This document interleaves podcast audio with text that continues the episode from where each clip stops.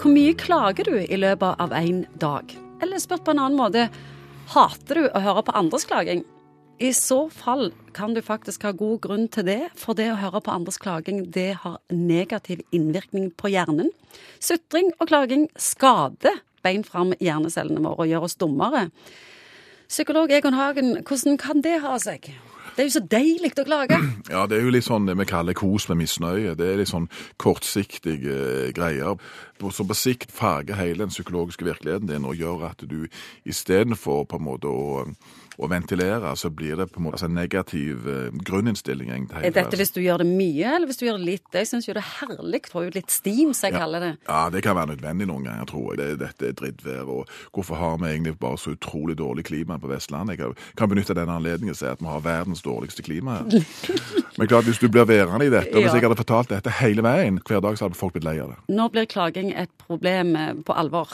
Altså rundt forbi på arbeidsplasser og i heimen og i venneflokken. Ja, Hvis du får sånne sutrekulturer, eller fokus på alt det som er elendig og det som ikke er perfekt, så er det klart at det er ganske ødeleggende på enhver arbeidsplass. Det blir en sånn negativ rustningsspiral hvor alle følger med i denne negativiteten ned i denne sluken. Og det blir nesten ikke rom for å si at ting er OK. Du har alltid en sånn en halvtomme vinkling på denne flaska. Hvordan kan vi beskytte oss da mot andres klaging?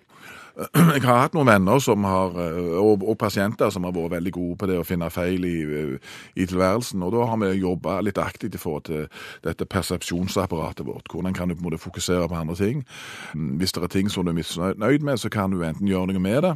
Hvis du ikke har tenkt å gjøre noe med det, så får du nesten ti stilt om det. Så det på en måte ansvarlige folk tror jeg er viktig i forhold til dette, sånn at ikke dette blir en folkesport. Men hvis alle er med på det, og alle liksom, liksom bretter opp armene nå gyver vi på samme elendighetstoget, så kan du få arbeidsmiljø som, er, som er veldig destruktive. Så det er jo selvfølgelig vanvittig viktig å snu.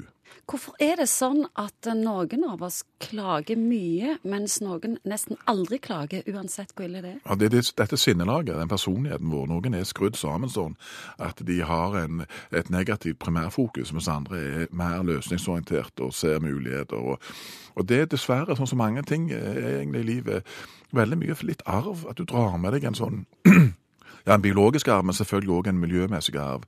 Hvis du har vokst opp i en familie hvor alle var like flinke på å finne drit og negativitet, og hvor det alltid var negative kommentarer til det meste, så er det klart at du har jo fått en god grunnopplæring som du da kan ta videre.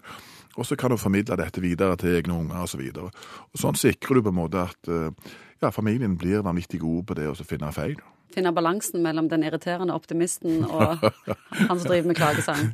Ja, det er sant. Det, og det er jo disse balansene. Vi har jo snakket om det mange ganger før, og det er faktisk veldig riktig i forhold til dette. Klager du mye?